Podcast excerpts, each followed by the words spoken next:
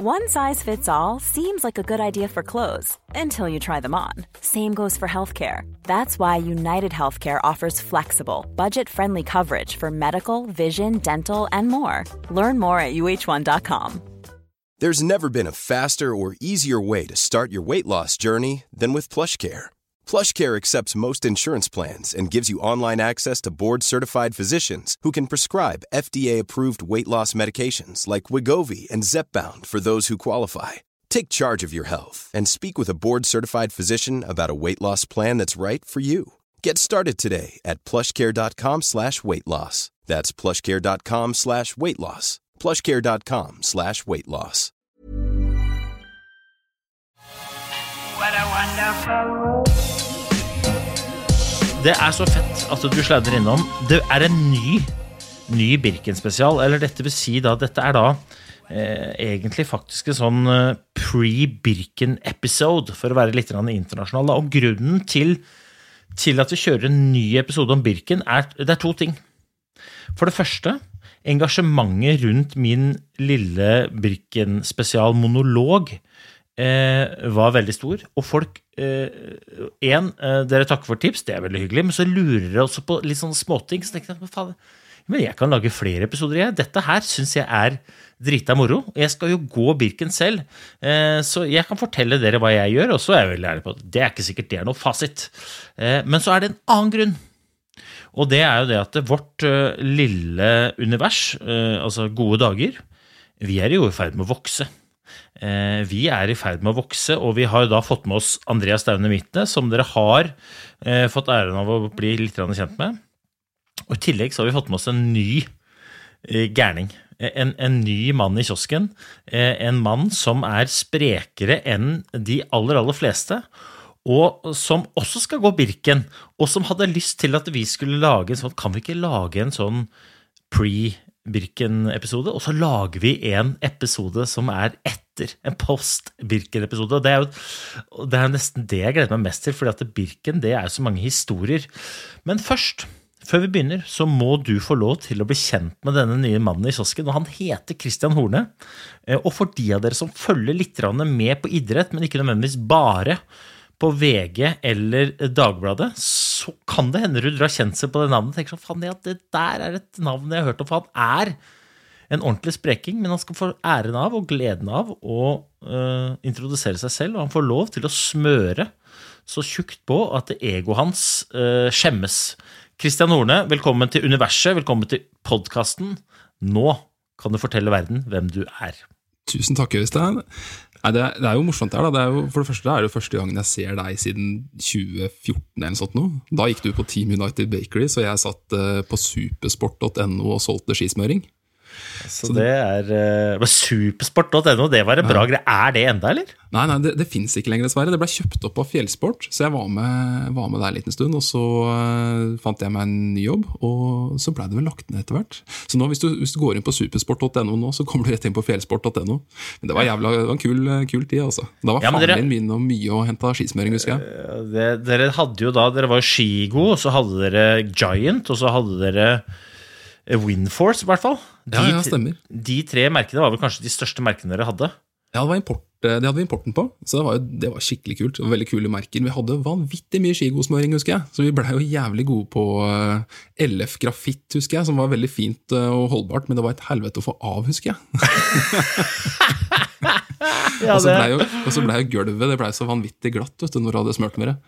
Ja. Men nå det blei jo rett på en digresjon her. Ja, men Det er deilig. Jeg liker det. Altså, det er egentlig litt av Jeg sa jo før vi gikk på at jeg skal ikke fortelle hvordan vi har vært, fordi at det legger jo begrensning for hva vi kan bli. I hvert fall når vi får inn nye folk. Men jeg kan i hvert fall si at eh, du går i opptråkka løyper foreløpig. Digresjoner er vi, det er vi vant til. Ja, men det er bra. Jeg, Jeg kan ta en kjapp introduksjon av meg sjøl. Det er jo eh, Jeg er eh, 33 år, bor i Nittedal, og så har jeg vært sånn Kall det nesten som profesjonell listefyll i utholdenhetsidrett siden jeg var eh, 16. Jeg har liksom aldri vunnet noe. Jeg har bare vært sånn litt oppe på lista. Og liksom vært såpass rask at jeg har vært litt heldig og fått litt sponsing og sånt innimellom. Men jeg har liksom aldri blitt sånn skikkelig god. så at nå, Det fine nå, Øystein, det er jo det at eh, i denne episoden her så, representerer jo du de som kan gå på ski. Og så representerer jeg de som har veldig lyst til å gå på ski veldig fort, men ikke helt får det til. Så vi har på en måte to dimensjoner av Birken her i dag. Det er, eh, det er jo eh, jeg, jeg ba deg jo om å dra på sånn at egoet ditt skjemmes. Jeg er litt usikker på om du klarte det, men, men det, veldig, det kler deg jo for så vidt å, å være beskjeden, samtidig som jeg vet jo at du er um, For det første så trener du jo mye, da, si, du trener jo mye, og du er jo, du er jo, du er jo jævlig sprek. Vi må være ærlige og si Vi kaller en spade for en spade. Du har drevet med utholdenhetsidrett uh, hele tiden. Ja, jeg har egentlig det, altså. Det er, eh, siden jeg var sånn 15, kanskje. 14-15. Og så har jeg jo liksom lekt hele livet, da. Det er det som er det store. Så jeg har jo på en måte bare vært i skauen hele tida. Jeg fikk liksom aldri PC og PlayStation hjemme, så da måtte jeg finne på noe annet. Men eh, nei, så aktiv karriere har det kanskje vært eh, triatlon som har vært liksom mest eh, fremtredende. Så jeg har jo drevet og surra med det Norseman-greiene i mange år. Og hadde jo jævlig lyst til å kjøre fort der. Ordentlig fort. Og så fikk jeg det sånn nesten til. I, i, fem forsøk. Eh, og så Til slutt så klarte jeg å karre inn en sjetteplass, og så skjønte jeg at eh, hvis jeg skal klare å snuse på pallen, så må jeg trene veldig mye mer. Og så må jeg sove mye mer, og så må jeg jobbe mye mindre, og så må jeg være eh, Jeg må være mer triatlet og mindre Christian, så da skjønte jeg vel at det var så god jeg blei. Så da har det blitt litt sånn andre eventyr etter hvert. og og, og så har jeg det jo jeg tror, jeg tror kanskje du også kjenner litt på det, at når du har vært litt sånn aktiv en god stund, så, så sier man til seg sjøl at liksom, ja, nå, nå er det fint å ikke konkurrere så mye, og sånt, og så, og så går det fint et år eller to, og så skjønner du at du må ha de der målene. Så det som har skjedd nå, det er jo det at jeg, jeg har egentlig tenkt at nå, nå trenger jeg ikke å konkurrere så mye mer. Nå skal jeg bare ta løpe lange turer og gjøre sånne idiotprosjekter som ingen får med seg. Og så skjønte jeg nå i våres, at, det- eller i våres i høst, at jeg må ha noe mål å trene mot, for jeg, jeg, jeg er jo ødelagt, rett og slett. Sikkert litt sånn som de fleste idrettsutøvere er, at de må ha et eller annet å se frem imot. Og så veit jo jeg at det er liksom fattern og meg sjøl som bryr, meg, bryr seg om hvor fort jeg går på Birken, men det er liksom det at jeg har ikke lyst til å skuffe, skuffe fattern heller, da. Det der er, så, det der er, det der er, det er min historie. Det verste er at jeg har ja, Fatter'n skal smøre skia mine nå, liksom. Det er, ja. Vi gjør som vi pleier. Vi gjør som vi pleier. Og, og, men det der er det der, jeg, jeg tror veldig mange kan kjenne seg igjen i det. Det er mange som har drevet med idrett, og så eh, gir man seg, og så faen, men det var jo litt moro. Og, og det er jo Det fine med det er jo at man får jo faktisk, når man slutter med idrett, da, så får man jo uh, tilbake en savnet av hva er det jeg egentlig syns er moro med det.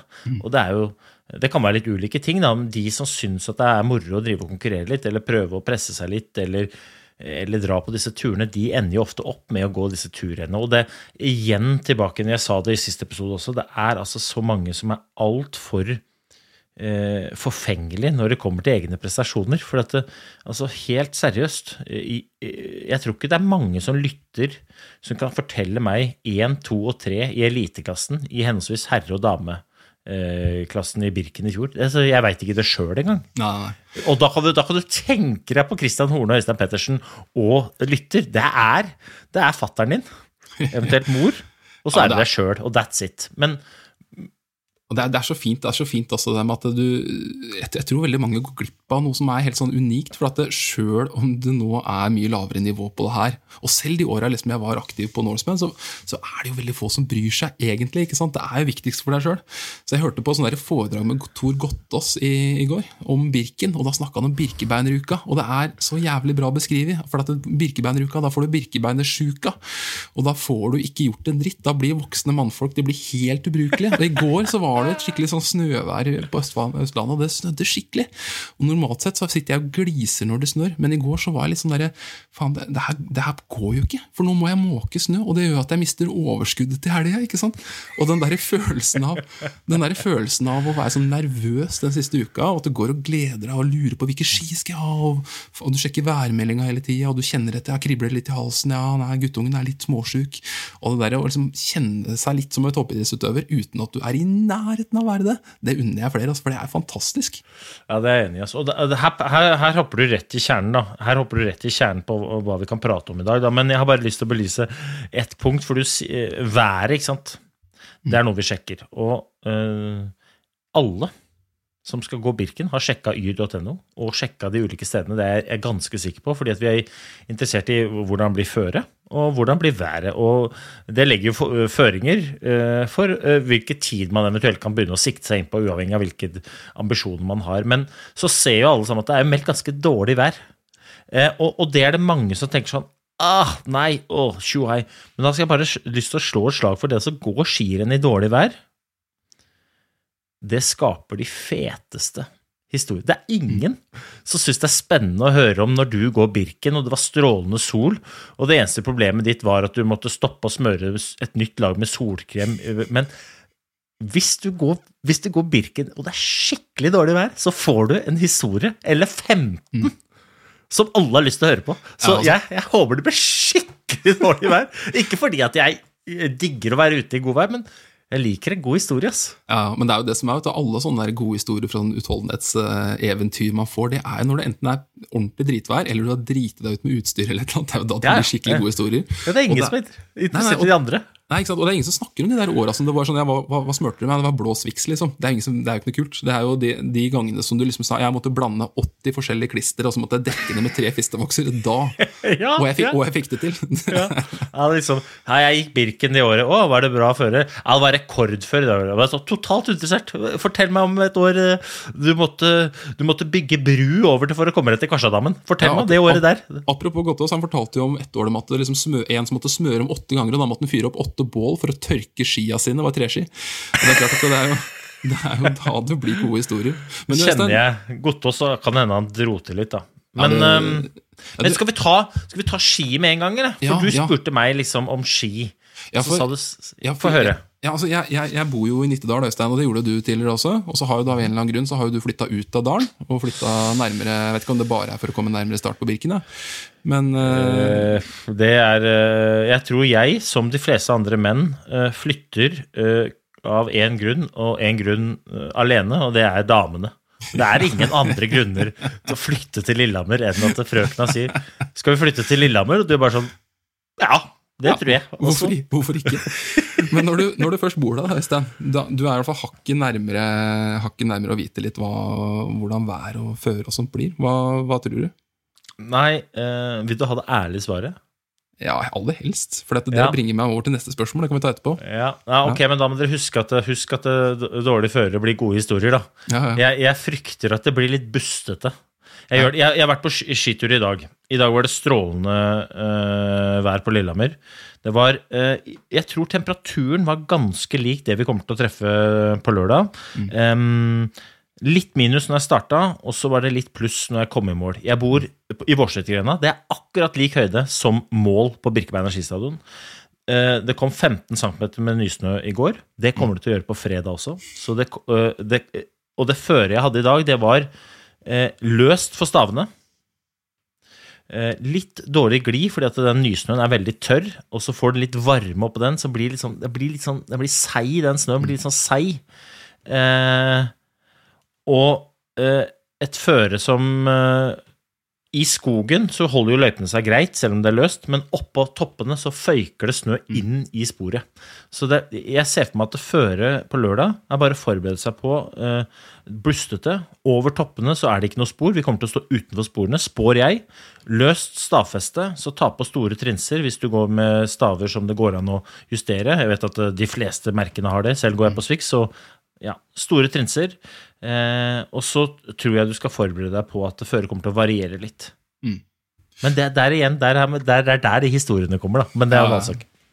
Nei, men altså, en ting, jeg tenker jo, en ting er jo at det er litt sånn lurvete med litt uh, snøføyke i sporet og sånt, men en annen ting er jo litt den derre hva man skal smøre med. og klart at Det, det, lureste er jo å lene seg på sikkert smøremeldingene til Rode og, og Swix og, og de som måtte komme med det, eventuelt butikkene som har merkeuavhengig. Men, men eh, det bringer oss for så vidt over til spørsmål nummer to, da, og det er jo det her med feste eller staking. og jeg tror veldig mange, og du, Du prata om det veldig bra i den forrige episoden også, men jeg tror veldig mange ender opp i den samme poolen som meg, at de har staka en del de siste åra, og så er de litt redd for å ta det der steget til å stake, og så veit de jo hva de får når det går med feste. For klart Hvis du smører med feste til midtfjellet, i hvert fall, da, hvis det er mulig å få til sånn noenlunde, så er du liksom safe på at du kommer deg opp bakkene, men så er jo spørsmålet vil du, tror du at det er raskere å stake når det er såpass kall det lurvete forhold, kontra feste?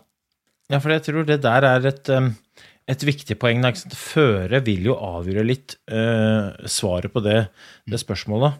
Hvis det hadde vært uh, sånn som det har vært tidligere uh, dagene her nå, hvor det har vært veldig kaldt, hvor liksom du kan smøre med grønn type smøring, Ja. V30, eh, grønn Toko, et eller annet der, i det landet der sånn, og bankers feste, så tror jeg ikke det er så stor forskjell på om det går med feste eller om du staker. Men nå når det blir så lurvete Én ting er jo det at jeg tror ikke det blir noe problem å få feste. Det tror jeg er blå voks.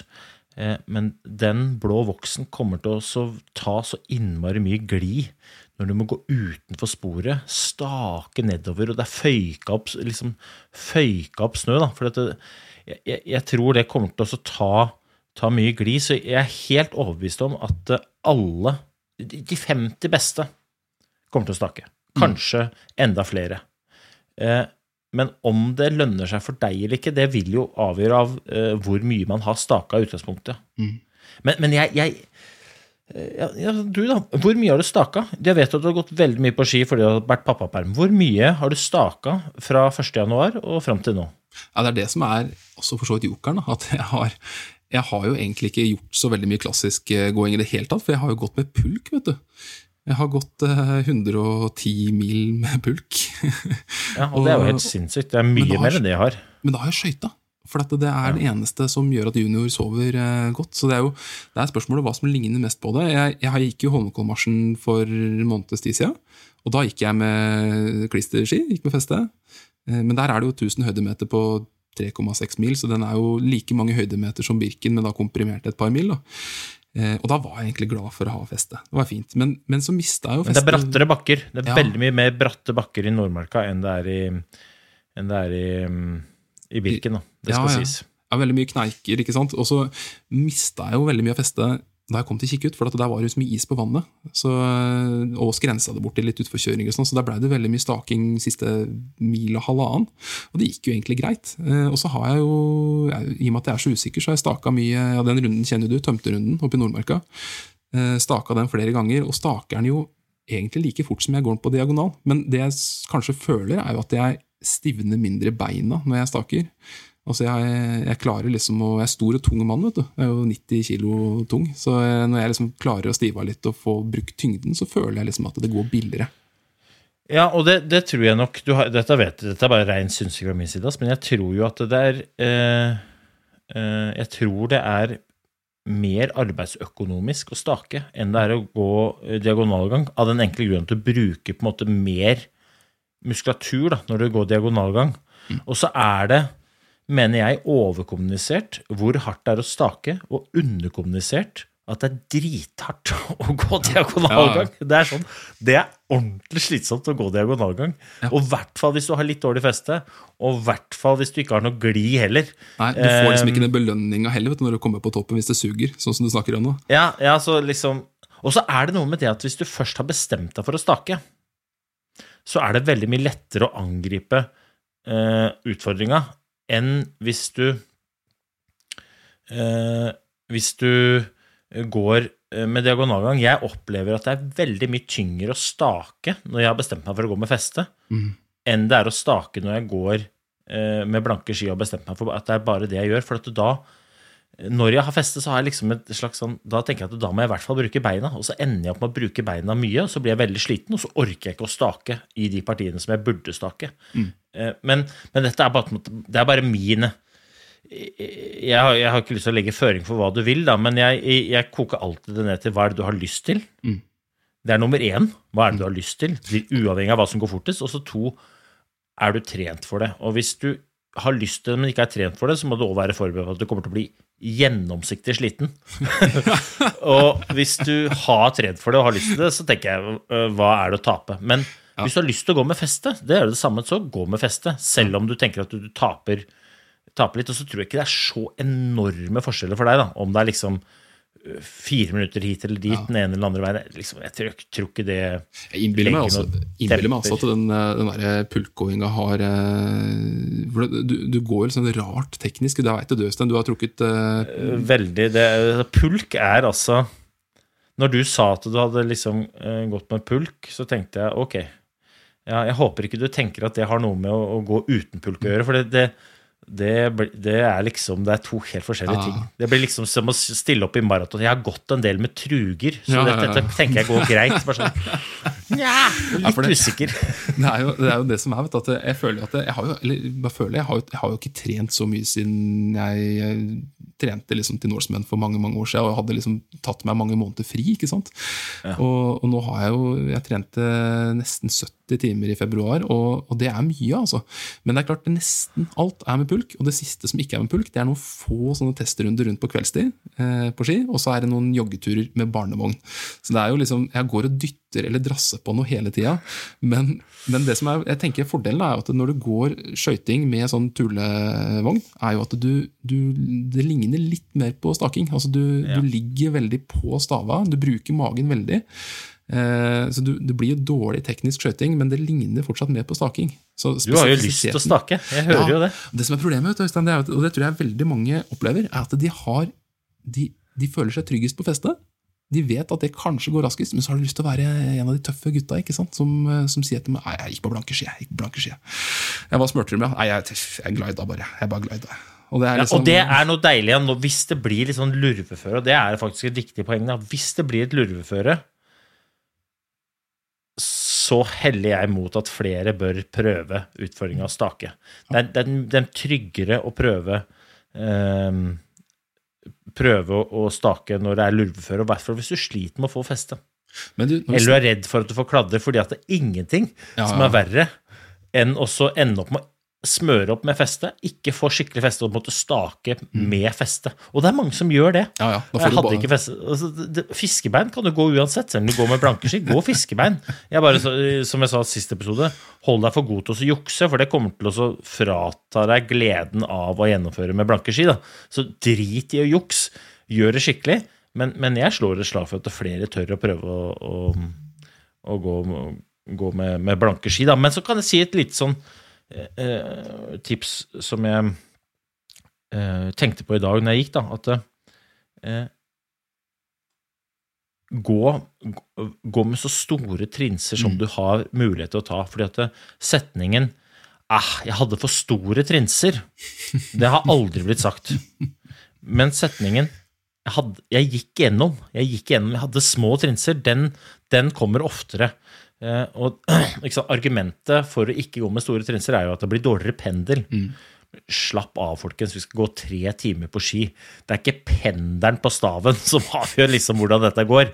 Men, men, men når du staker, da, spesielt når du staker, så er det jo på en måte Krafta føres jo gjennom staven ned i snøen. Og jo større større kontaktflate du har mot snøen, desto lettere er det. Ref, jeg sa jo akkurat truger. Alle er enige om at truger veier litt mer enn bare joggesko. Og alle er enige om at pendelen på, på løpsbevegelsen er bedre med joggesko enn med truger. Men jeg er ganske trygg på at hvis du skal løpe i løssnøen, så lønner det seg å gå med truger. altså. Det er en grunn til at det ikke er så mange som jogger rundt i løssnøen oppe på Sjusjøen. Ja, altså, Men du treffer noen som går til truger. Ja, så tror jeg også at de, de aller fleste som hører på, hører på det her, de har staver som er helt ålreite. De går ikke med aluminium- eller bambusstaver fra 1973. De går med, stort sett med karbonstaver i en eller annen variant, og det er klart at mesteparten av eh, av liksom det, det du opplever med pendel, det ligger jo i selve staven. Om den der lille plastdingsen på enden veier så og så mye. altså Ja, den er lengst vekk fra omdreiningspunktet, men allikevel, det er ikke der, er ikke der slaget står. altså. Nei. Og, og jeg har faktisk um, um, Jeg har faktisk vært i garasjen til eh, min svigerfamilie. Dette er noen år siden, da.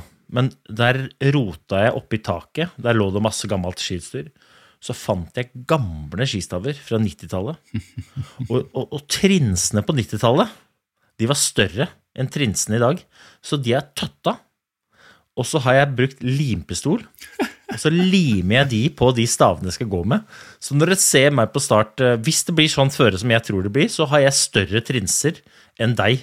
Er det Bare de gamle, fordi. Er det de gamle ja, firkanta, eller? De der, Ja, eh, ja de er sånn, de er jo på en måte hvordan, det, De ser ut som en slags blomst. ja, ja, ja, ja, de, ja. De, ja. De er flate nederst, Ja, ja, og så tagger, liksom. Stemmer. Og så, og så Ja.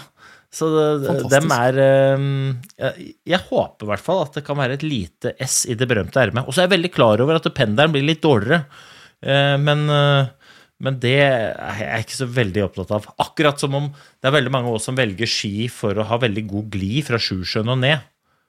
Og så glemmer man jo at det spiller jo ikke med god glid fra Sjusjøen og ned hvis du er veldig langt bak på Sjusjøen. Eh, Så eh, her, eh, igjen tilbake til feste, ikke feste. Hvis du skal gå med feste, så sørg for å smøre så du har feste. Ikke tenk jeg smører litt mindre feste så jeg har god glid nedover, for du, du, du tilbringer så mye tid i oppoverbakke. Ja. At det, de, de åtte sekundene du glir fortere enn kompisen ned fra Dølfjellet, det, det er ikke noe mot de fem minuttene du taper opp til dørfjellet.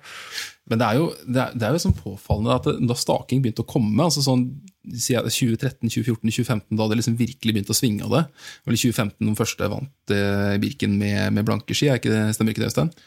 Jo, det var jo rett etter eh, undertegnede vant Holmenkollmarsjen på blanke Ja. ski som første, og da, da bestemte jo hele elitefeltet seg for å gjøre det. Når det skal sies, så hadde jo da både Jørgen Aukland, Ivar Tveiten, eh, Svein Tore Sinnes De hadde jo staka Birken før, da.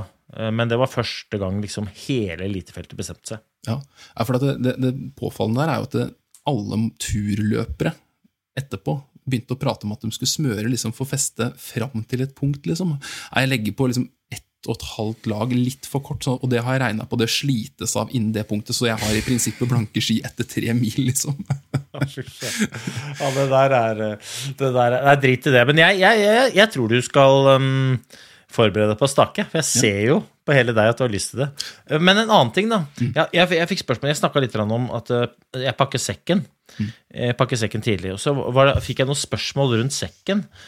Rundt liksom at uh, er det, er, Først var det en som lurte på er det er det 3,5 kilo pluss sekken, eller er det 3,5 kilo inkludert sekken? Og det er 3,5 kilo inkludert sekken. Og så må den inneholde litt ting, men, men du ser veldig fort at det, det, lille du må inneholde, eller det, det lille som på en måte er obligatorisk, det er ikke nok eh, til å få 3,5 kilo, med mindre du har eh, virkelig med deg noe ordentlig sånn arbeidstøy, og det har du ikke.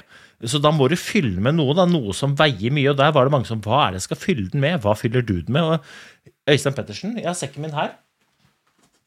Her er sekken min. Det er ikke noen av dere som ser det, da, men den er her. Den heter eh, R3 Coxa. heter Den Den er ganske liten. Og for å få den til å veie nok uten at den tar så stor plass, så har jeg fylt den med Nå må du følge med. En gammel harddisk. Den veide overraskende mye. Den veide 1940 gram. Og den var helt supersmooth. Den ligger liksom kliss nederst i sekken, akkurat så jeg får den pressa nedi. Og så helt inntil ryggen, og ikke så veldig eh, tjukk, liksom. Tar ikke så mye plass. Eh, men hvis du ikke har en sånn liten gammel harddisk liggende, da, eh, så kan du jo bruke Det er mange som bruker vann. Det er mange som bruker ris. Men det aller beste, det er egentlig hvis du har en sånn vektvest liggende. For den vektvesten den er fylt med sånne lommer, og inni de lommene så er det sånne sandsekker. Og det er sånn litt sånn ah, spesiell type sand som veier litt mye. Jeg vet ikke hva slags type sand det er, men de veier ca. 400 gram per snute. Så de eh, slår jeg slag for å, å hente, da. Dem, eh, hvis du har liggende. A lot can happen in the next three years. Like a chatbot may be your new best friend. But what won't change? Needing health insurance. United Healthcare Tri Term Medical Plans are available for these changing times. Underwritten by Golden Rule Insurance Company, they offer budget friendly, flexible coverage for people who are in between jobs or missed open enrollment. The plans last nearly three years in some states, with access to a nationwide network of doctors and hospitals. So, for whatever tomorrow brings, United Healthcare Tri Term Medical Plans may be for you. Learn more at uh1.com. Everyone knows therapy is great for solving problems, but getting therapy has its own problems too, like finding the right therapist, fitting into their schedule, and of course, the cost. Well, BetterHelp can solve those problems. It's totally online and built around your schedule. It's surprisingly affordable too. Connect with a credentialed therapist by phone, video, or online chat, all from the comfort of your home. Visit betterhelp.com to learn more and save 10% on your first month. That's BetterHelp, H E L P. Bare kaste inn deg, Øystein. Altså, de, de fleste her veit jo, men innimellom så ser du noen som har glemt seg litt på det. Og det er hvis du skal ha litt ekstern vekt i, i sekken, da. litt død vekt, rett og slett.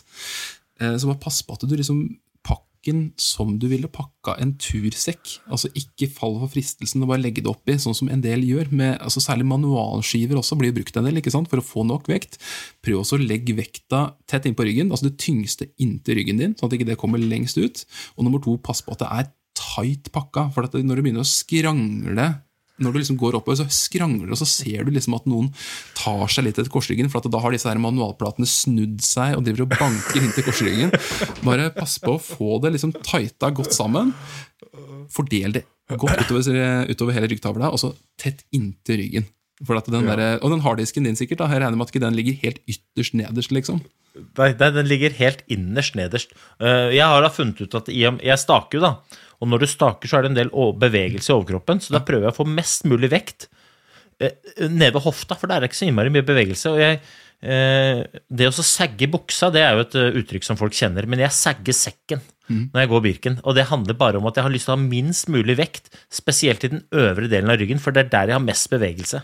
Og så har jeg veldig mye vekt rundt, liksom rett over rumpesprekken. Jeg sagger sekken så mye som jeg overhodet klarer. Og det er, eh, det er hvis, du, hvis, du, nå svetter, og det er hull hørt på den, papp, eh, på den plastdesken, plastposen du har rundt den harddisken, så ødelegger du nå barnebildene fra fire-fem år tilbake, eller? Altså, hva, altså, er familiefotoene ødelagt? Eh, jeg er da så nerd at jeg har faktisk putt, jeg har en sånn vakuummaskin. Eh, for at jeg er litt glad i å lage mat, så jeg har putta faktisk den eh, posen Eller jeg har putta den harddisken inni i vakuummaskin. Det høres ut som jeg driver med sånn shady business. Det gjør jeg ikke. Jeg er bare opptatt av å ikke ødelegge. Men det som er på den harddisken, er jo egentlig bare filmer. Nå, nå må ikke Økokrim eller hvem det er som får Jeg har lasta ned filmer fra Pirate Bay. Så det her er rett og slett en sånn harddisk du hadde Altså Jeg burde jo skjønt ut fra vekta at dette her er noe du drev og lefla med når du var gangster i Groruddalen på, på 90-tallet. er det da liksom Det sier jo alt om uh, kvaliteten på filminga. Når, uh, men det var på den tiden hvor vi kunne laste ned? Du lasta ned ting fra Pirate Bay, og, og noen av filmene var sånn Det var noen som filma inne på kinoen. så, så, lydkvalitet og sånn var sånn Det var bob, bob, bob, bob. bob. Så, ja, hvis ikke jeg kommer til start, så er det fordi at jeg er blitt bura inne av noen som driver med datakriminalitet. Da. Men da, da, ønsker jeg dere lykke til, i hvert fall. Da har jeg en sekk liggende hvis det er noen som har lyst til å, uh, å fylle den. Men, men, men, men det, er et, det, er et, godt poeng du har, da. Liksom, så pakk den sekken litt skikkelig. Og jeg sa det sist, og jeg kan si det igjen akkurat derfor så er det greit å begynne eh, litt tidligere enn på morgenen før du skal gå rennet, for det, det, blir bare stress. Mm. Det blir bare stress. Og så kan du òg jeg, synes, jeg er veldig glad i å observere folk. Uh, ikke henge ut folk, men eh, jeg lager bilder og historier om dere. Det skal dere vite når jeg ser dere. og, og, akkurat på Birken er det mange som får en liten historie på SAS. Det må være ærlig å si. Der er det mye Der er det mye ymse. Uh, så det, uh, men, jeg tror det der dreier seg om at man enten er litt dårlig forberedt i forhold til sånn helt basic ting, som f.eks. sekken, eller at man skal gjøre noe sånn forbanna smart. Du har jo holdt på med Norseman. Mm. Liksom. Og, og, og, det smarteste du gjør før Norseman, det er jo å gjøre som du pleier. Mm. Det er jo ikke å begynne liksom å, å gjøre noe helt, uh, helt uh, nytt. Og en god kamerat av meg, han uh, gikk Vasaloppet og spiste seg så godt opp at han stelte seg på start av sånn og hadde kasta opp to ganger før start og kasta opp igjennom løpet. Og så, så, spurte han et kritisk spørsmål som Helt ærlig eh, eh, Hvis du bare skulle gått deg en tur ikke hadde vært Vasaloppet, hadde du, eh, hadde du spist så mye da? Nei, svaret på det var nei. Ja, hvorfor ikke? Nei, for jeg har lyst til å føle meg bra. Ja, Men gjelder ikke det også i Vasaloppet? Altså, liksom, hvorfor, hvorfor må vi begynne å gjøre noe helt sånn sjuke ting før Birken, når målet med Birken sannsynligvis er ikke, ikke fordi det er å vinne, men føler deg bra på start, i hvert fall. da. Mm, ja, og det er, liksom, det er, så mange Og nå sitter jo vi og kaster stein i glasshuset her og kommer med råd, da. Så det er jo, men, men råd som høres liksom sjuke ut. Det er altså sånn type sånn der At noen har funnet opp kruttet nå, det, det, er, det, er, ikke noe som er gjort. Altså. Og Det er et sånn kjempegodt poeng å bare prøve å liksom ro reka litt på det her. jeg husker, altså Det verste man kunne gjøre i Eidfjord før Norseman, det var å gå rundt i bilene til folk som og pakka bilen, for det er så sinnssykt mye utstyr som du trenger. Og så var det bare å titte inn, og så hvis du så at det her var en førstereisgutt eller jente, så var det bare å titte inn i bilen og så bare si 'Å ja, du har gjort sånn, ja'. Ja, og så bare gå. Og da, hadde, da visste du at da, de to timene med søvn de egentlig skulle hatt, de, de er borte. Men, men det, det, er jo litt det der altså, jeg, også, Og jeg, jeg har så driti meg ut på det sjøl, og jeg har gjort det mange ganger. Eh, jeg har jo Jeg hadde jo altså, skikkelig kontroll på det her med mat. Da. Altså, jeg, jeg, hadde sånn protokoll på hvordan jeg skulle forberede meg. Jeg visste akkurat hva jeg skulle gjøre. Eh, jeg skulle spise, jeg kokte opp 500 gram pasta, én pakke kjøttdeig og så en sånn bolognese-glass. Og så spiste jeg det på kvelden før. Det er jo veldig veldig mye mat, da, men jeg er en stor mann igjen. da. Og da visste jeg at når jeg sto opp før konkurranse, uansett om det var triatlon eller løping, eller hva, altså hva enn det var, så da, da fikk jeg gå på do, og så var jeg ferdig. Da var jeg kjempehappy. Og så var det en kompis som hørte det tipset, og han hadde da Eh, han er ikke vant til å spise så mye, så han hadde gjort akkurat det samme. Kokt opp en, eh, en halv kilo pasta. Tatt en pakke kjøttdeig og så la han helt sånn på bolognese-glass, og så hadde han dunka ned på kvelden før. Og så hadde han ikke klart å gå på do på morgenen. Altså Min garanti hadde jo ikke funka, så han hadde fått helt kryperen. Og starten kom nærmere nærmest til slutt, så tok han da og la liksom leppa full av snus, og så tok han da pulverkaffe, og så vaska han liksom kjeften med snus og svelga nedpå den kaffen da for å få gått på do. Og da fikk han jo virkelig gått på do, da, men da var jo dagen ødelagt. Jeg vet, ikke, jeg vet ikke hva slags tips folk tar med seg fra denne episoden. Da, faktisk. Det er, det er kanskje det beste tipset er å ikke, ikke Og det er et godt tips. Ikke ta til deg tips. Ja. For det typiske den typiske situasjonen på Birken er jo at man bor sammen med folk som er også usikre. Og så prøver man å gjøre hverandre sikre gjennom å få tak i noen tips, men så mm. ender man jo ofte opp med at man blir mer usikker. Da, mm. Allerede nedi når du skal hente startnummeret. Så for øvrig, er en, er en, del av greia. Jeg elsker Håkonshall, elsker stemninga der nede. liksom. Mm. Og Så går du gjennom og så snakker du med noen folk, og så treffer du masse gode, hyggelige folk som selger deg noe. Og alle produktene isolert sett er veldig bra. Mm. Og alle produktene blanda sammen i ett er katastrofe. Mm. Uh, men, men, vi har en tendens til å bli Ja, faen, og så hørte jeg fra en, og så Ja, så han sa Og han har jo Tanta til hun har jo en bikkje som bor oppå Dølfjellet. Og der var det og så, så er man i gang, da. Og da er det bare sånn Nei, nei. nei, nei. Eh, ta livet helt med ro. Man, eh, sånn som meg, eh, jeg skal ta Jeg starter jo med eliten. Vi starter kvart på åtte, så jeg. Det var jo veldig tidlig. Men mm. da tar jeg buss fra Lillehammer klokka fem. Og da setter jeg meg på bussen, og så spiser jeg brødskiver. Og så tar jeg med meg en liten kopp med kaffe. Termos liksom, med kaffe. Og så koser jeg meg. Mm. Og så håper jeg at jeg får drite før start, og hvis jeg ikke får drite, så får jeg bare, da får jeg bare drite i det og gå videre. Men, ta, ta men jeg håper det. Ja, det var akkurat det. Og så, og så bare sladder jeg inn. og det er ikke noe sånn, Jeg er veldig klar over at jeg ikke kommer til å vinne, men jeg kommer heller ikke til å komme sist. Mm. Og når jeg kan ta bussen klokka fem om morgenen, så kan alle andre gjøre det også. Altså, dette går bra. Andrew Musgrave kommer fra Falun på kvelden eh, på fredag etter å ha gått skirenn. Og han har som mål å være med og kjempe helt opp i toppen dette blir så bra som du gjør det, og stol på den oppladninga du har. Altså.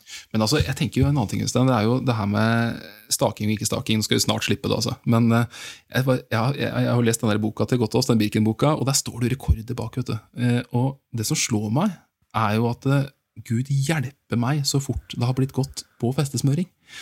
Og, ja. og den første rekorden som ikke er satt med festesmøring, det er jo i 2015. Før det så har jo alle gått på det. og altså Hvis vi går tilbake til 1997, så gikk Erling Jevne på Skal vi se her, har jeg boka, boka ved siden her. 2.33. 2.33. Altså i 1997. Det er nesten 30 år siden. Og da, altså Stavene var ikke like, altså de var ikke like stive.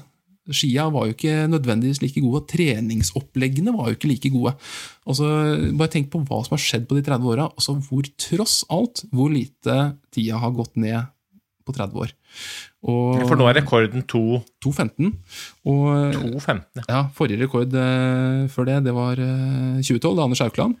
Uh, og han hadde gått på 2.21, men han gikk med smøring. Altså Han gikk med festevoks på det tidspunktet. Det var vel på det tidspunktet som Jørgen Aukland drev og lefla litt med det. Jeg lurer på om 2013, da vant, vant også Aukland, og da kom Jørgen på fjerdeplass, tror jeg. Og det var liksom sensasjonelt at han uh, kom inn der. Jeg husker jeg, husker jeg så på, på den sendinga og hørte liksom at Jan Post og, og Torgeir Bjørn snakka om liksom, uh, han gærningen, han gærne broren til Anders Haukeland som staka. Og liksom, nei, Der kom han, gitt! Og der kom han, gitt! For de hadde liksom hele tida sagt at det er, det, det er ikke løp å stake på. Og så plutselig så bare suser han inn. Men, men det har blitt gått jævlig fort på, på festesmøring, altså. Ja, og, og- og det er veldig viktig å si, da. Festesmøring har ikke blitt noe dårligere av at vi har begynt å stake. Det er bare at vi noen ganger ser det i lys av staking, og noen ganger så går det fortere. Men festesmøring er like bra som festesmøring alltid har vært, om ikke bedre, fordi at produktene og skiene og materialet og, alt, og løyper og alt blir bedre. Eh, og så vil føre avgjøre om det ene eller det andre lønner seg mer eller mindre. Eh, men, men jeg tror nok at eh, majoriteten av oss som skal gå Birken, har mest å hente på å gå med feste. Og, det blir nok en finest tur. Men det, det finnes mange der ute som er kapable til å snakke, og som kan gjøre det hvis de, de har lyst. Og er ja, Og igjen tilbake til historien, da. ikke sant? Det, det, jeg syns det er fascinerende. Her er det to godt voksne mennesker, deg og meg, som sitter og prater om Birken. Birken har ikke vært ennå. Eh, og det er mange som hører og tenker ja, faen, jeg må få med meg det siste om Birken. liksom. Det er bare turen. Dette er bare moro. Ja. Eh, og, og, men, men jeg skal eh, jeg skal utfordre deg da, Christian, og meg sjøl på én ting, og jeg sa det sist også. eh, Det er det at eh, Birken er eh, et fantastisk skirenn, men vi, vi har en tendens til å henge på de foran oss litt for eh, mye i starten. Mm. Det er veldig lett å ødelegge Birken første kvarter, liksom. Hvor det er jevnt oppover, og hvor vi går i en fart hvor vi egentlig, som vi egentlig ikke har trent på. Jeg tror 98% av alle som skal gå Birken i helga, tjener på å gå det første kvarteret ett minutt saktere enn de gjør eh, på lørdag. Altså bare senk farten litt, og spesielt der hvor det er bratt. Mm. For at der hvor det er bratt, så er det Det koster så mye krefter å gi Bon Johnny, men fartsforskjellen på å gi Bon Johnny og roe litt ned er ikke så innmari stor. Så du taper ikke så mye, men det koster så innmari mye, sånn at når du kommer i letterrenget, så orker du ikke å gi på. Det var det jeg snakka om, liksom, det å slite seg opp på dårlig feste, og så begynne å stake. Du er helt ferdig, ikke sant? Og det samme er det, da. Så jeg utfordrer alle som skal gå, med å bare ta det litt rolig. Tør å ta det litt rolig i starten. Og, og hvis du etter et kvarter tenker at dette er altfor rolig, slapp helt av. Da har du, med mindre du skal sette rekord, da, over to timer og et kvarter å, å, å, jobbe på. Dette det er, det er nok tid til å få brukt alle kreftene. Du trenger ikke å stresse med å bruke opp kreftene det første fjellet, faktisk. Nei, Det er veldig godt poeng. Og det er også det der, Hva er det som faktisk betyr noe? Det er jo eh, det- er litt sånn godfot-teorien. Altså at det er, ikke, det vits i å prøve å liksom bli veldig god i perioder som du ikke får så veldig mye ut av. Og det er jo det er veldig mye motbakker i Birken. eh, Og det er klart at hvis du liksom skal knekke knekkerne Det er ikke så mange knekkere der som det er kanskje på Holmenkollmarsjen eller på Vestegyllen Vestergyllen eller eh, andre gamle typer skirenn.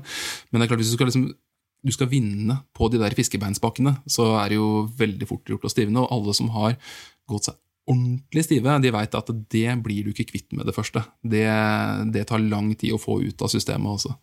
Så det er godt tips. Jeg kan jo si, jeg vant jo Holmenkollmarsjen første gangen det ble vunnet på blankeski. Det var i 2015.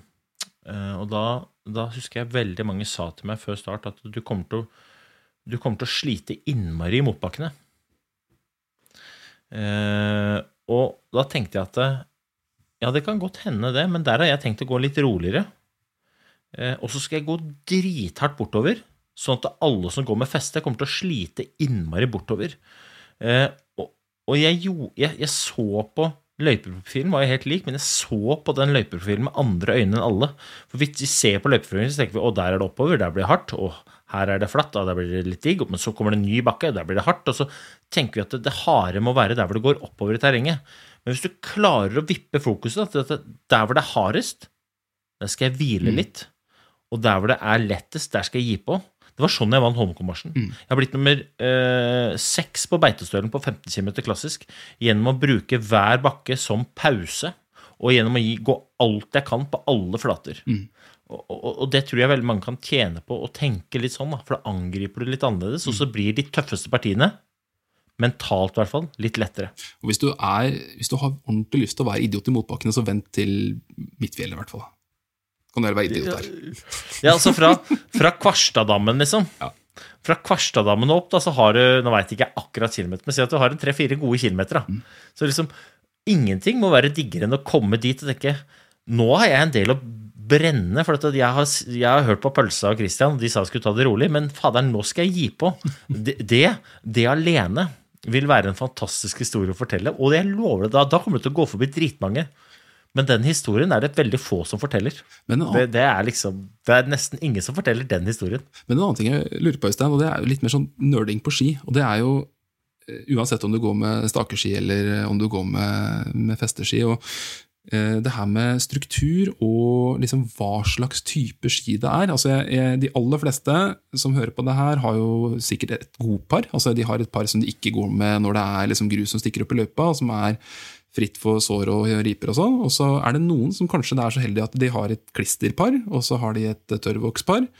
Eh, og kanskje et røbbepar fra, fra tidligere som de ikke bruker så ofte. Og sånn som været er meldt nå, at det blir litt foksende og at det er litt løst og sånn. Altså, hva slags ski er det som er, kall det best? Altså, vil du ha noe som geiper i fronten? Vil du ha mediumstruktur, fin struktur? Altså, hva, hva er det egentlig, hva er den optimale skia, sånn som du ser det nå? Her er du god, da. Jeg, jeg vil jo anbefale ehm, Hvis du skal ta skikonstruksjon først, da, så tror jeg at uh, en ski som er myk, og som på en måte flyter godt i motbakkene Altså det at den er myk, med det så mener jeg at én er lett å få feste på hvis du skal gå med feste. Eh, Hvis du staker, at den spriker litt foran, og at den kommer ned på underlaget. Ikke er så mye motstand i skia. En myk ski, du klemmer på den, så spriker den foran. Kanskje spriker den litt bak. Jeg- Det er en ski å anbefale, og grunnen til at jeg sier det, er fordi at det, det er ikke nødvendigvis alltid den skia som glir best. Men Birken er et renn som i veldig stor grad handler om lav hastighet. Vi går så, mye, vi går så lenge motbakke at du må ha den skien som går lettest oppover. Du refererte jo til rekord. Eh, Petter Eliassen har den rekorden. Og han slo Martin Sundby. Martin Sundby glei jo fra Petter Eliassen nedover. Men Petter Eliassen hadde lettere ski å gå med oppover. Og den skia han gikk med, det var en Han gikk på Fischer. Han gikk på en 2-10 lang Fischer-ski som var veldig myk foran, veldig myk bak, veldig lav. Og den fløyt godt oppover. Så gå med en myk ski. En for stiv ski vil jo kanskje gli raskere og føles raskere i stakinga, men du kommer til å daue oppover. Og i hvert fall hvis du går med feste, for da må du jobbe for å få feste. Du må gå med den skia som gir deg lett feste, trygt feste. Eh, struktur eh, Hvis vi liksom er litt sånn grå på, da. Grønn struktur er kaldt. Blå struktur er medium. Og så har du hvit struktur som medium pluss. Og så har du rød struktur. Det kommer til å bli blått. Eh, Det, det, er, det er blått som gjelder. Det er blå, blå universalslip. Og de fleste skiene som kjøpes, hvis du tenker sånn 'Å, faderen, jeg har ikke noe slip', de fleste ski som kjøpes i butikk, har en slip, og den ligner veldig på blå. Det er en sånn allround-slip, retning blå, da. Så, men hvis du kan velge, så ville jeg tatt en blå slip. Og så, eh, hvis du er veldig nølete, så tror jeg det lønner seg å sette en rill på baksida, manuell struktur på bakskien. Om det er 1 mm eller 2 mm, spiller ikke så stor rolle, men jeg vil anbefale eh, folk at de setter den eh, en rund, rund rill, og med det mener jeg en rill som trykker sålen ned, ikke skjærer. Fordi at det- fokksnø og veldig skarp struktur kan være oppskriften på at snøen fester seg i, i såla og gir deg dårlig gli. Dette blir litt nølete for den mest ambisiøse, men jeg, til å, jeg har slipt opp skiene mine på Sport 1 på Lillehammer med blå slip. Jeg har ett par. Mm. Jeg har ingen anelse om det er verdens beste, men det er mitt beste. Mitt ene par skal jeg gå på. Det er blå slip. Jeg setter en 1 mm rund rill på baksida. Reiser med det til eh, start med, på bussen og, og går, da. Så jeg vil anbefale en blå slip. Og så eh, må man ha ny slip. Jeg tror faktisk det er fordel å ha en litt slitt blå slip. Ja, fordi det er såpass tross alt kaldt i snøen. Ja, jeg, jeg, i, hvert fall, hvert fall sånn som det har vært nå. Det er klart det kan endre seg litt, da. Men, men jeg, og jeg tror at det er, veldig, det er fryktelig tørt på fjellet. Ja. Og, og, og når du får på litt vind oppå dette, så tror jeg at det, vinden tørker det ut. da. Og så ser jeg for meg at vi må hoppe ut av sporet, fordi dette fokksnøen ligger nedi. Og der er det enda tørrere enn det kan bli nede i sporet når alle går i samme. Så jeg tror at en, en litt slitt blå struktur er prima, prima. Ja, for det, det er liksom eh, jeg, det, Nå har jeg i år uh, måttet kjøpe litt nye ski, for jeg har jo ikke hatt ski Jeg hadde et skikkelig godt par som jeg kjøpte Anders Hallingstad, gammel uh, turrennløper. Ja, ja, ja. Rossier? Helt riktig. Veldig gamle Rossignol. Det sånn De der hvite med rød skrift. Ja, ja, det var jo det var sånn som jeg tror er laga på den der franske fabrikken nå, så den var dritlette. Det fikk jeg kjøpe veldig billig av han etter at han fikk kjøpe en jaktrifle billig av meg. Så da, Perfekt. Og dem gikk i veldig mange år, og så klarte jeg å knekke dem i fjor. Eh, Da var de sikkert 30 år gamle, så da var, det, da var de ferdig. Så, da, så jeg har vært og shoppa litt på Finn, da. og så har jeg kjøpt, må må slå slag for å kjøpe brukt på Finn. Det fins jævlig mye bra ski på Finn. altså Veldig mange løpere som nå staker, som skal kvitte seg med skiparkene eh, med feste, festepar. Og jeg har kjøpt eh, tre par i år. Et eh, Rossignol Exium-par. Ganske gammelt, men veldig fint klisterpar. Det gikk jeg med på Holmenkollmarsjen. Aldri hatt så god glid. Og så kjøpte jeg to gamle førstegenerasjons Matsus Redline-ski. Lette, fine ski. Og det ene der, han, selgeren han sa at det her var et forferdelig godt tørrvokspar. Og det, alle sier jo at eh, skia sine som de selger på Finn, er forferdelig gode. Men de var ordentlig gode. Altså. Jeg gikk en, en god langtur nå for to helger siden fra Gjøvik til Oslo, og da, da hadde begge Feil! til Oslo. Og da hadde, da hadde jeg Jeg har jo ikke slitt de. Og det er litt sånn småripper i det. Alle går liksom i lengderetningen. Ikke noe grovt, men sånn, litt sånn småripper. ikke sant? Og så hadde jeg tenkt at det her kommer ikke til å gli sånn kjempebra. Han ene jeg går med, han har fått lånt et par av Pål Golberg. Og den andre hadde nyslipte ski fra han eh, Aslak, han på skiplukkeren. Så begge to liksom eh, var veldig klare for at det skulle gli veldig bra. Og da var det sånn par-tre minus, nysnø. Kanskje litt likt det vi kommer til å oppleve. Litt sånn fokksnø på toppa. Og det paret glei så jævlig bra. Så jeg, jeg, Prima, det. ja, ja, så Og, og- og mange av de Matsu-skiene er jo satt med noe litt avhengig av en, en, hvilken årsmodell det er. da, Enten noe som heter 96, en slip som heter 96, eller en som heter M61. Og det er egentlig en nysnøslip. Så hvis du har, eh, har Matsu-ski eh, eh, s- med det, så er det helt, det er helt prima. Ja, er jo du kan jo stake på man, Må man ha stakeski for å stake? Nei, nei, nei. Det er, eh, det er masse folk som går Petter Eliassen vant Marcialonga på et helt vanlig klisterpar. Så du må ikke ha det. Du må bare ikke ha røbba sålen i hjel. Så hvis du har røbba sålen, så slår jeg slag for å bare akkurat der hvor du har røbba, da, bruke stålsikling eller en plastsikling, litt hard glider, og få ned den, litt fibertex og litt fiberlen, og bare puss. Få den få vekk det du har røbba opp, sånn at det ikke det subber. Men veldig mange, ofte så ser du at du, du vil aldri bånde skia omtrent når du staker. Fordi at eh, en, en, en vanlig ski er jo bygget for at du skal bånde skia når du har full vekt på den. Men når du staker, så er det veldig sjelden at du på, står på én ski. Du står på to ski, så du bånder den ikke. Så det er ikke så farlig. Så hvis du har et godt uh, Matsus-par som du tenker kan være perfekt, så ville jeg uh, godt staka på den. Ja. Det er ikke noe farlig i det hele tatt. Og så kan du, hvis du vil gjøre den uh, lettere å stake på, så flytt bindingen, da. Nå skal jeg reklamere for uh, Rottefella Move-bindingene, men du, du trenger ikke å bruke Rottefella Move, men det er klart at du får ikke flytta underveis hvis ikke du har Rottefella Move. Men det den bindingen gjør, er jo at du kan flytte bindingen frem og tilbake. Og, og hvis du flytter en binding tilbake, så vil alltid nesten skien bli lettere å stake på oppover. Jeg garanterer at eh, 50% av alle eliteløperne på, til helga har bindingen i minus 1, 2 eller 3, litt avhengig av hva slags type ski, skimerke de går på, for å få lettest mulig ski som går fortest mulig oppover. Så hvis du er litt nysgjerrig, da, leik deg med det. Du trenger ikke å kjøpe, trenger å kjøpe Rottefella Mo-binding, selv om jeg liker å bruke den, for det er så veldig enkelt å flytte fram og tilbake. Eh, Men, men, men det å bare kjøpe, ha en NIS-nøkkel, eller det går an hvis ikke du har NIS-nøkkel, ta bare en gaffel. Altså. Stapp den under bindingen, få bindingen bakover, så er du i gang. Ja, det er utrolig bra tips, altså. Og det er jo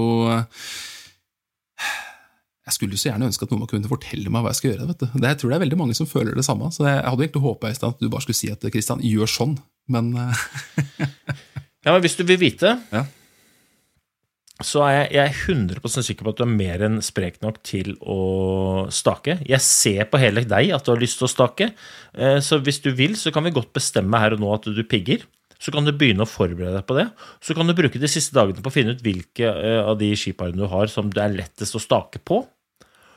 Og så er det bare å se om du finner noen store trinser et eller annet sted. Det er det som er så fint, Øystein, at de stava jeg går med, det er jo eh, de gamle stava til din forlover. Oh, ja. Henrik. Se så, Ja, ja, ja. For at eh, vi, eh, Team United Bakeries, som du gikk for, de hadde jo en manager som heter Henrik Wissel, og han glemte at han hadde en gam, god del eh, gammelt rask av skiutstyr stående på lageret vårt på Supersport. Så da vi flytta, så sendte vi melding til Henrik da, at du, det står igjen noen sånne røde CT1-staver. Sånn, eh, de der, jeg tipper de du tok eh, OL-gull på. Den, den modellen der. Gode, gamle gamle prima, det. Ja, Og de har jo de der gamle, svarte trinsene, og de er jo like store som en knyttneve. ikke sant? Ja, perfekt. Perfekt. De tar du. Ja. De tar du. Nydelig. Og så er det bare å pakke sekken din med enten, eh, enten en harddisk eller noe annet som er tungt. Ikke, ikke, ikke pakk med puffa ris, for at da lager jeg en historie om det når jeg ser det. Og så, så gleder jeg meg til eh, Altså, vi må jo ønske, alle deltakerne lykke til. Hvis dere har lyst til å eh, spørre enda flere spørsmål, det er noe vi ikke har tatt opp, så send oss en melding, så skal vi svare. Både jeg og Christian er klare. Eh, hvilke puljer starter du i, Christian? Jeg starter i pulje 1. Så jeg er sånn, hvis du, hvis du får eh, veldig lyst til å stoppe og vente en sånn 20 minutter, kvarter eh, på meg, så er det veldig hyggelig. Nei, men jeg får starte pulje 1 sammen med damene, eller starte pulje 1 sammen med menn elite? Og det, vi starter med damene, tror jeg. Eh, For du starter vel kvart på åtte eller noe sånt nå? Ja, Ja. kvart på åtte. Jeg starter vel sånn ti over kvart over eh, åtte, tror jeg. Okay, Så dere får, okay. ja, men, eh, dere får eh, fri fra plagsomme mosjonister. ja, det, nei, det, det, er, altså, det er, skal ikke se bort ifra at jeg burde vært i gjengen eh, plagsomme mosjonister, men eh, da veit dere at Christian er eh, kioskens eh, utskremte i klasse M1, og så har jeg eh, rota meg inn i ME. Og så får jeg bare håpe at jeg ikke får det underveis, ME, altså. Men, eh, men jeg kommer nok til å bli, bli god, og, god og sliten. Og så um, gleder jeg meg til eh, å høre historiene, det, Kristian, etterpå. Jeg liker Eh, sånn. Vi må, vi må, vi må ta en, vi får ta en opp, opp En liten post, Birken. Men jeg tror vi, jeg tror vi er der, jeg. Jeg tror det. Det er eh, Folk må ikke bruke opp alle kreftene sine på å høre på alle rådene våre, for da, da går vi jo mot våre egne råd. Ja, er helt klart. Så det er vel bare å si god tur, ikke? God tur, og så ses vi, vi ses i løypa. Jeg håper i hvert fall det er sikt nok til det.